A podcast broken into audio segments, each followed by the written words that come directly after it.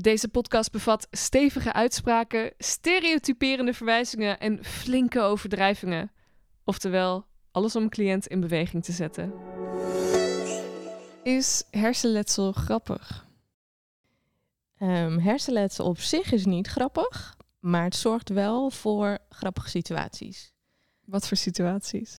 Uh, ja, dat je uh, naar de supermarkt gaat en dat je eigenlijk een heel lijstje in je gedachten had. En dan kom je thuis en dan ben je het meest belangrijke ingrediënt vergeten. Of um, dat je denkt dat je je agenda hebt ingevuld Mhm. en dat heb je niet.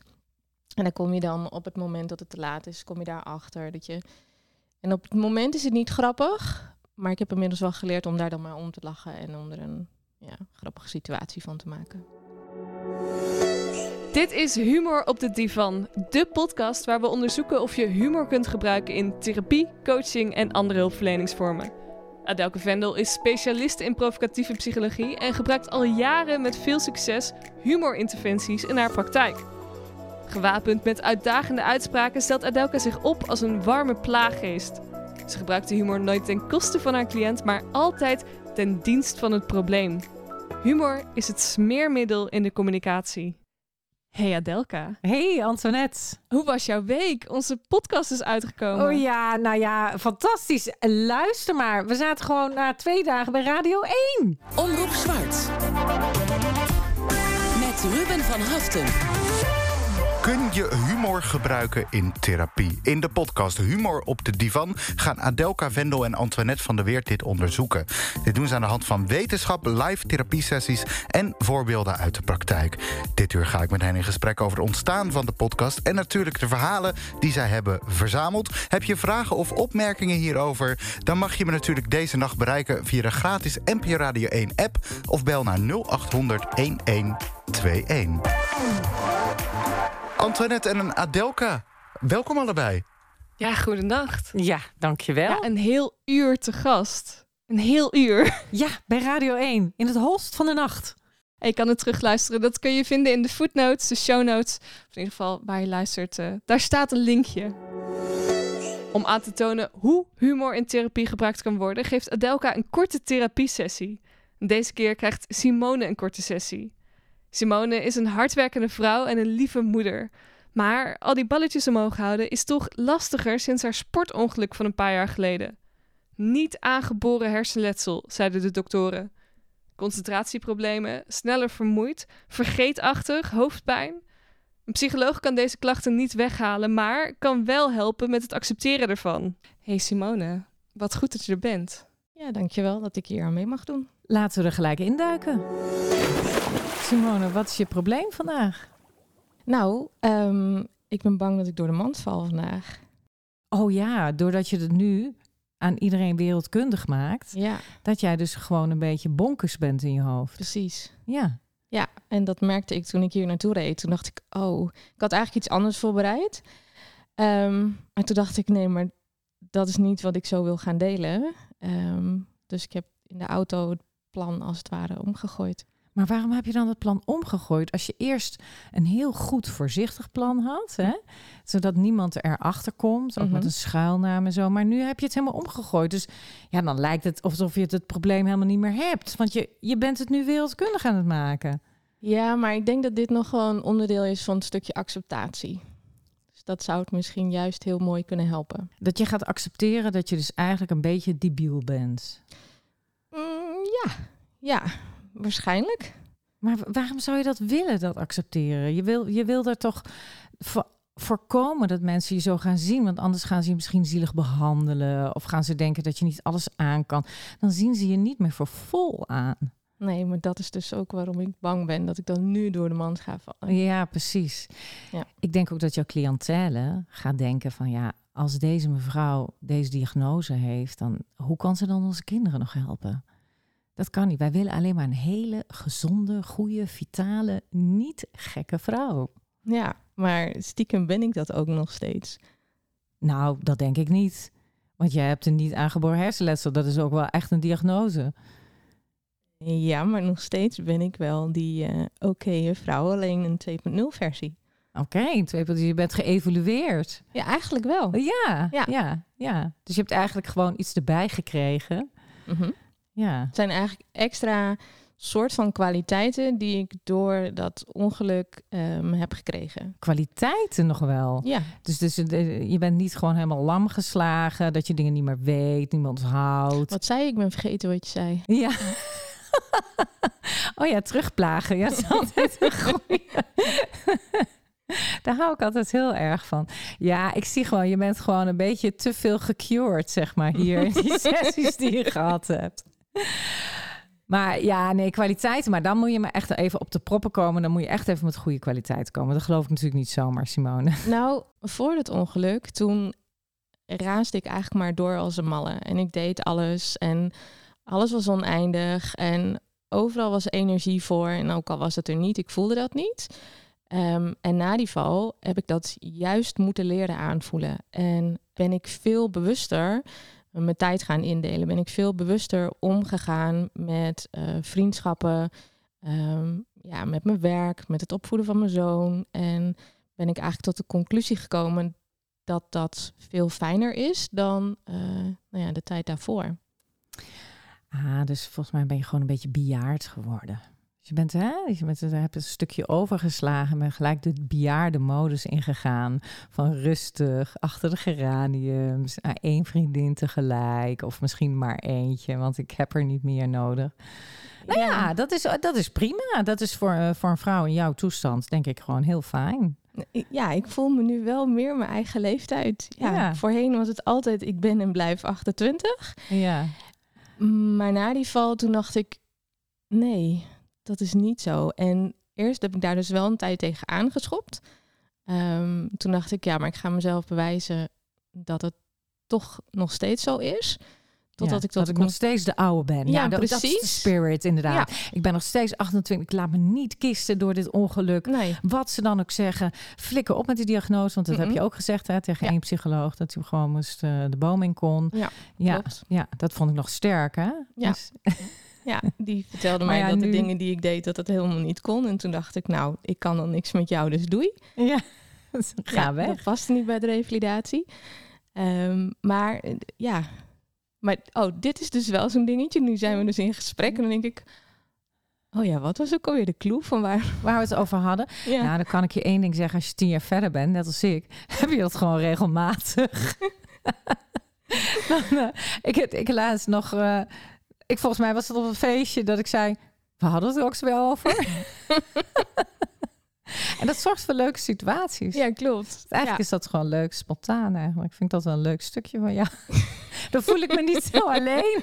Je bent toch tien jaar jonger dan ik. Oh, wat wil je nu mee zeggen eigenlijk? Ja, dat het gewoon ontzettend leuk is. Hm, Oké, ja. Maar goed, ja, dit, is nog, dit kan zeg maar doorgaans dan plaatsvinden. Alleen op het moment dat ik bijvoorbeeld ehm, ga werken, dan focus ik mijn bewijzen van 200%.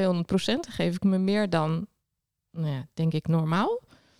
Ehm, en dan weet ik dat ik de dingen die ik doe, dat dat gaat. Maar dat betekent wel dat ik vervolgens dat niet een hele dag kan doen. Omdat ik me veel meer geef tijdens mijn werk dan ehm, ja, dat ik dat niet zou doen. Ja, precies. Dus het bejaarde tempo heb Ja. je goed aangelegd. Ja. Maar wat is nou eigenlijk je probleem, Simone? Je vertelt daar zo over met zoveel inzicht, zoveel en, en gedragsveranderingen, die, die, die vertel je ook al. Hoezo door de mand? Nou, omdat het voor mijn gevoel dan nu een soort van ehm, ja, wereldkundig wordt gemaakt. Ja. Ehm, En wat zou er kunnen gebeuren? Nou, dat is mensen, probleem me niet, dat mensen me niet voor vol aanzien. Ja, precies. Wat ik dus net zei, al, daar heb ik dus echt wel gelijk in. Dat ze je niet meer inhuren. Ja. Dat ze toch denken van, nou, dit is een beetje een gekke vrouw. Daar kunnen Ja. we niet meer onze kinderen laten. We willen alleen maar ultra gezonde mensen die nooit wat meegemaakt hebben. Die willen wij dat die onze kinderen begeleiden. Ja, precies. Ja, Maar nee, juist doordat je dit soort dingen meemaakt, denk ik dat ik dat ook mee kan nemen in de eh, behandeling van eh, kinderen en volwassenen. Ja. Ja, Ja. dat denk ik ook.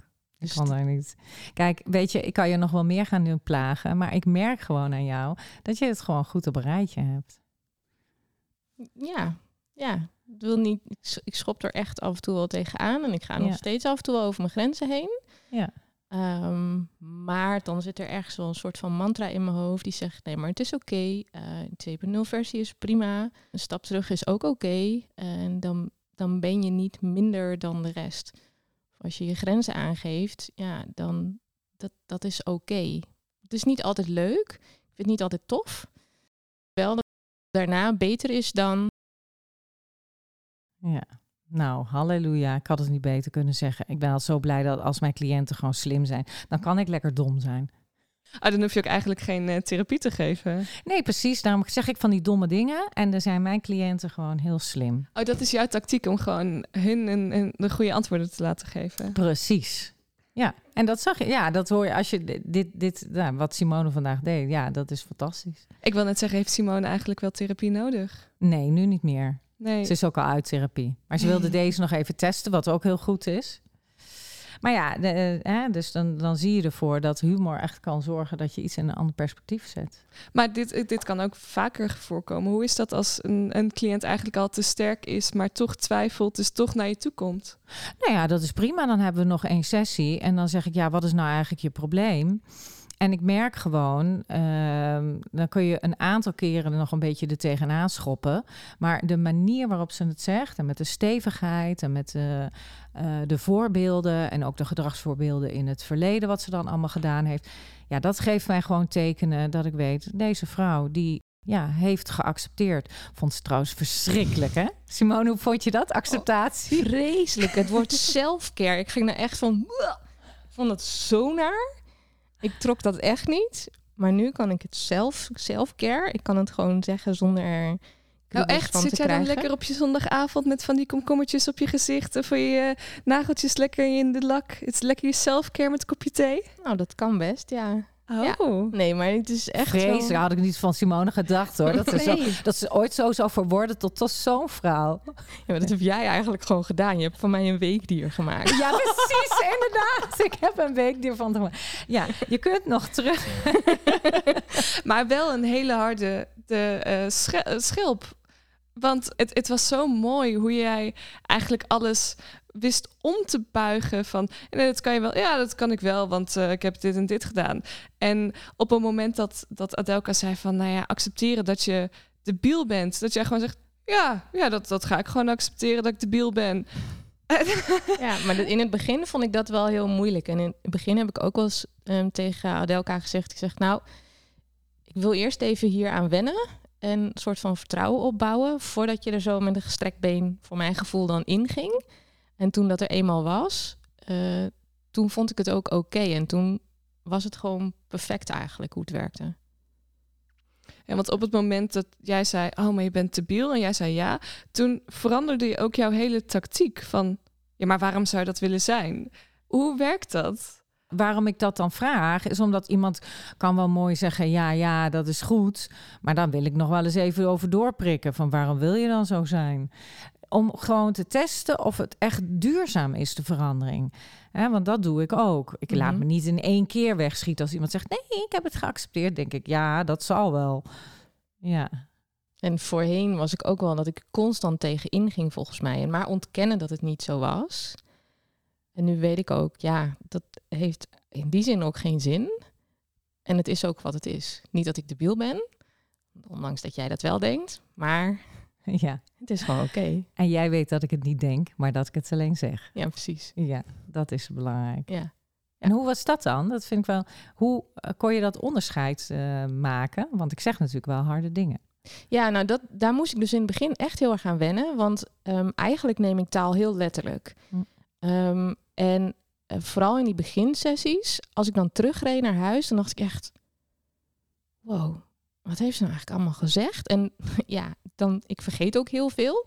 Dus het was heel fijn dat die gesprekken werden opgenomen en of werden uitgeschreven. Dus kon ik het teruglezen. Maar de, ja, het, het kwam wel enorm binnen en het zette je dan aan het denken. Juist door nou ja, die manier van hardheid die erin zit. als je het te zacht zegt, bij mij in ieder geval, ja, dan werkt dat niet. Nee, zoals ook een harde noot. En maar ik heb ook voor jou inderdaad de sessies ook nog uitgeschreven. Daar had ze prachtig voor elkaar waarom uitgeschreven? Nou, precies. Uh, Simone zei, ja, ik kan zo weinig onthouden. Ja, En dat terugluisteren kost me zoveel moeite. En ook daar heb ik gewoon maar ja tegen gezegd. Toen zei ik, nou ja, dan schrijf ik de, dan maken we de sessies iets korter. Maar dan, dan gebruik ik mijn tijd om ze uit te schrijven. Want ja, mij maakt het niks uit waar ik mijn tijd aan besteed. Mhm. Als ik maar besteed aan mensen helpen. Ja, want dit, zeg maar, dit soort gesprekken, die vind ik eh, super tof. Ehm, het, het snelle schakelen, het snelle denken. Alleen dat maakt wel dat me, eh, mijn brein gewoon sneller leegloopt. En als het dan het gesprek weg is, het is afgelopen, ehm, dan moet ik of inderdaad aantekeningen hebben, maar anders is er heel veel ehm, gewoon snel weg. En ja, het is niet altijd dat het weer terugkomt. Daarom zijn die geschreven stukken gewoon dan heel fijn. Maar je zegt het nu eigenlijk heel simpel. Mhm. Ehm, en met heel veel dingen die Adelke heeft gezegd, zei je wel dat je het accepteert. Hoe voelt dat nu? Want je weet, je weet het wel nu van jezelf. Hoe ga je dan ook hier, hier weg? Zometeen. Ehm, nou, heel stiekem ga ik hier denk ik eigenlijk wel trots weg. Ja. En dat zei ik net ook. Weet je, het hoort wel echt nog bij het, of laatste restje, ehm, soort van acceptatie. En nou ja, weet je, om- het liefst kom ik jaarlijks even voor een APK'tje. Lijkt me ook trouwens voor iedereen een goed idee, een apenkaartje. maar gewoon om even weer te, te checken en dat je weet van, oh ja, nee, ik ben nog steeds op de goede weg. En oh ja, nee, dit loopt goed. Ehm, nee, maar ik ga je eigenlijk wel trots weg. Wat mooi. Ehm, Simone plaagde ook terug. Ja, precies. Wat zegt dat? Nou ja, ik zei het al kort, dat vind ik fantastisch. Want daarmee, dat is een onderdeel van wat humor doet. Dat doordat je terugplaagt, laat je gewoon een kracht zien. En dat is een alomkracht. En dat helpt gewoon om, nou ja, wat ik zei, het leven ook minder serieus te nemen. Dus ook je problemen serieus te nemen. Dus dat werkt op elk probleem. Mooi. Wat, eh, wat zegt de wetenschap hier eigenlijk over?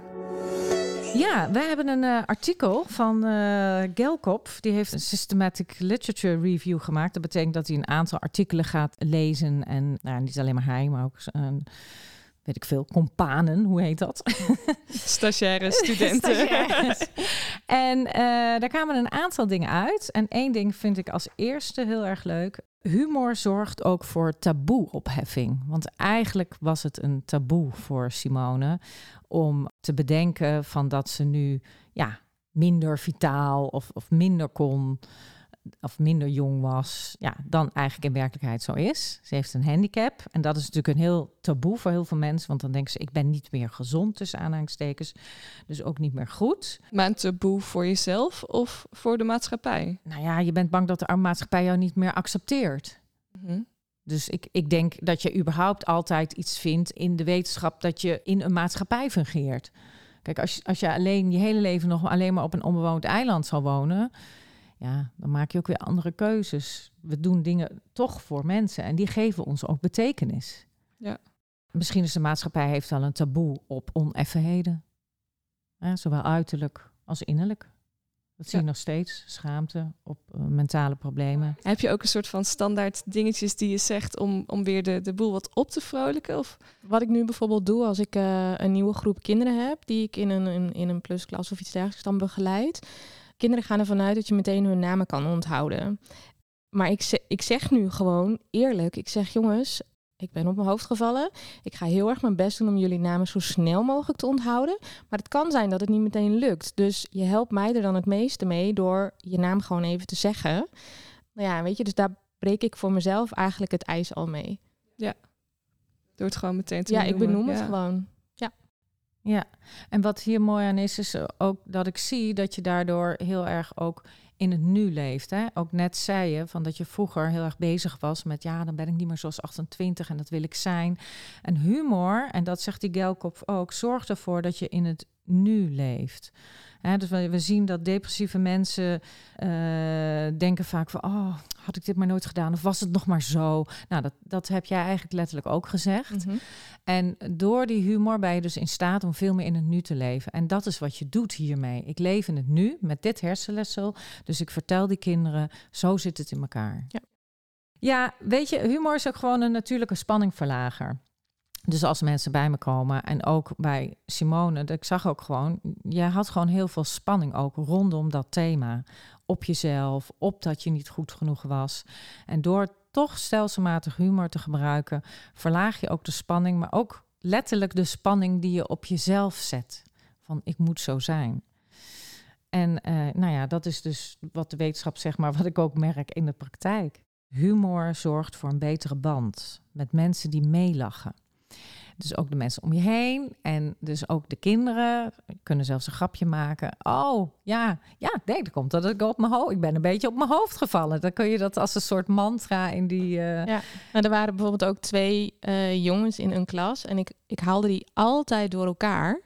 Um, en ja, dat is natuurlijk ook gewoon. Ja, zij vonden dat ook heel grappig. En op een gegeven moment hadden we ook gezegd: Nou, als ik, als ik drie keer op een dag. Want ik had die klas dan echt van half negen tot twee. Als ik het drie keer op een dag doe, ja, dan ga ik trakteren. En op een gegeven moment maakten zij er dan een sport van.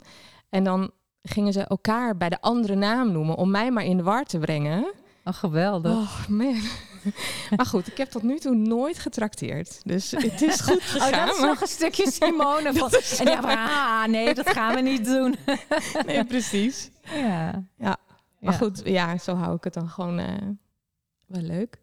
Ja, zo hou je het leuk en behapbaar. En, en het gaat eigenlijk ook weer over fouten maken. Nou ja, dat. En dat leef ik ze wel voor, dat dat ook gewoon oké is. Precies, ja. ja. Dus daarmee, ja, en dat zei je ook al want ik vergrootte natuurlijk de gedachte uit van ja, mensen willen alleen maar een perfecte begeleider die nooit iets meegemaakt heeft. Maar dat vind ik het zo mooi dat jij gelijk terug kan geven. Ja, nou eigenlijk is dat niet zo. En soms zitten mensen nog heel erg vast, ook echt in die gedachten.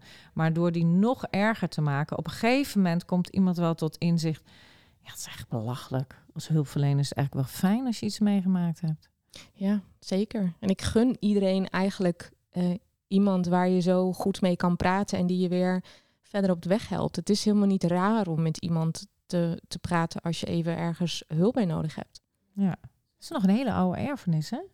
Wat is een hele oude erfenis? Ja, dat je gek bent als je nou iemand uh, nodig hebt om over dingen te praten. Ja, inderdaad. Het komt denk ik uit de nou ja, jaren 50 of 60. Die erfenis hebben we nog steeds. Nou, jullie zeiden net al van eigenlijk is het wel goed om elk jaar even een APK'tje te doen is dat niet eigenlijk gewoon een heel goed idee voor iedereen? Die mhm. gaat ook één keer, twee keer per jaar naar de tandarts. Uh, hoe fout is het om één keer per jaar even met iemand te zitten? Ben ik nog steeds niet gek?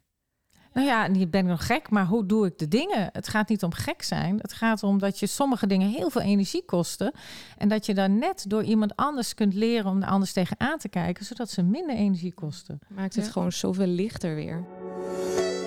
Simone, zijn er nog dingen die jij zou willen zeggen tegen mensen met ook niet aangeboren hersenletsel? Um, nou ja, je hebt het natuurlijk in verschillende gradaties, hè, dus ik kan dan niet voor iedereen spreken. Um, maar ik gun iedereen eigenlijk die met hetzelfde zit uh, een Adelka. om je problemen en de, de issues waar je tegenaan loopt lichter te maken, luchtiger, uh, met humor te kunnen bekijken. Zodat het voor jezelf minder zwaar wordt en meer behapbaar. En dat je niet meer leeft als zijnde van, oh ja, maar ik heb, nou ja, dat en dat. Maar dat je gewoon weer uh, je eigen ik bent, en, zoals ik het dan noem, een 2.0 versie. Uh, en dat je daar gewoon oké mee bent. Mooi. En is er nog iets dat je meeneemt van deze sessie? Ja, een trotse gevoel eigenlijk wel. En dat de zenuwen die ik had onderweg hier naartoe, um, ja, dat die niet terecht waren. En dat ik blij ben dat ik toch van onderwerp geswitcht ben. Dankjewel Simone voor je openheid. Dankjewel Adelka voor het plagen. En ik was Antoinette, je podcast host. Vond je dit leuk? Geef dan 5 sterren in je favoriete podcast app. Wil je nou zelf een 7 minuten sessie in de podcast? Stuur dan een mailtje met je probleem naar podcast.vendel.nl. Dat is V-E-N-D-L. Dus met één E. Wil je meer weten over provocatieve therapie? Check dan even de website van Vendel. Of volg ons op Instagram op provocatiefpsycholoog. Adelka, wil jij nog iets kwijt? Wees lief en provocatief. Afgelopen week heb ik de uh, opgenomen podcast laten bezinken. En kwam ik tot de conclusie dat ik best nog iets zachter en liever voor mezelf mag zijn. Um, en deze week heb ik meteen de daad bij het woord gevoegd en heb ik uh, inmiddels al twee keer nee gezegd op een uh, vraag van iemand die heel graag wilde sporten. Dus um, ik ben er nog steeds mee bezig, maar ik ben uh, op de goede weg.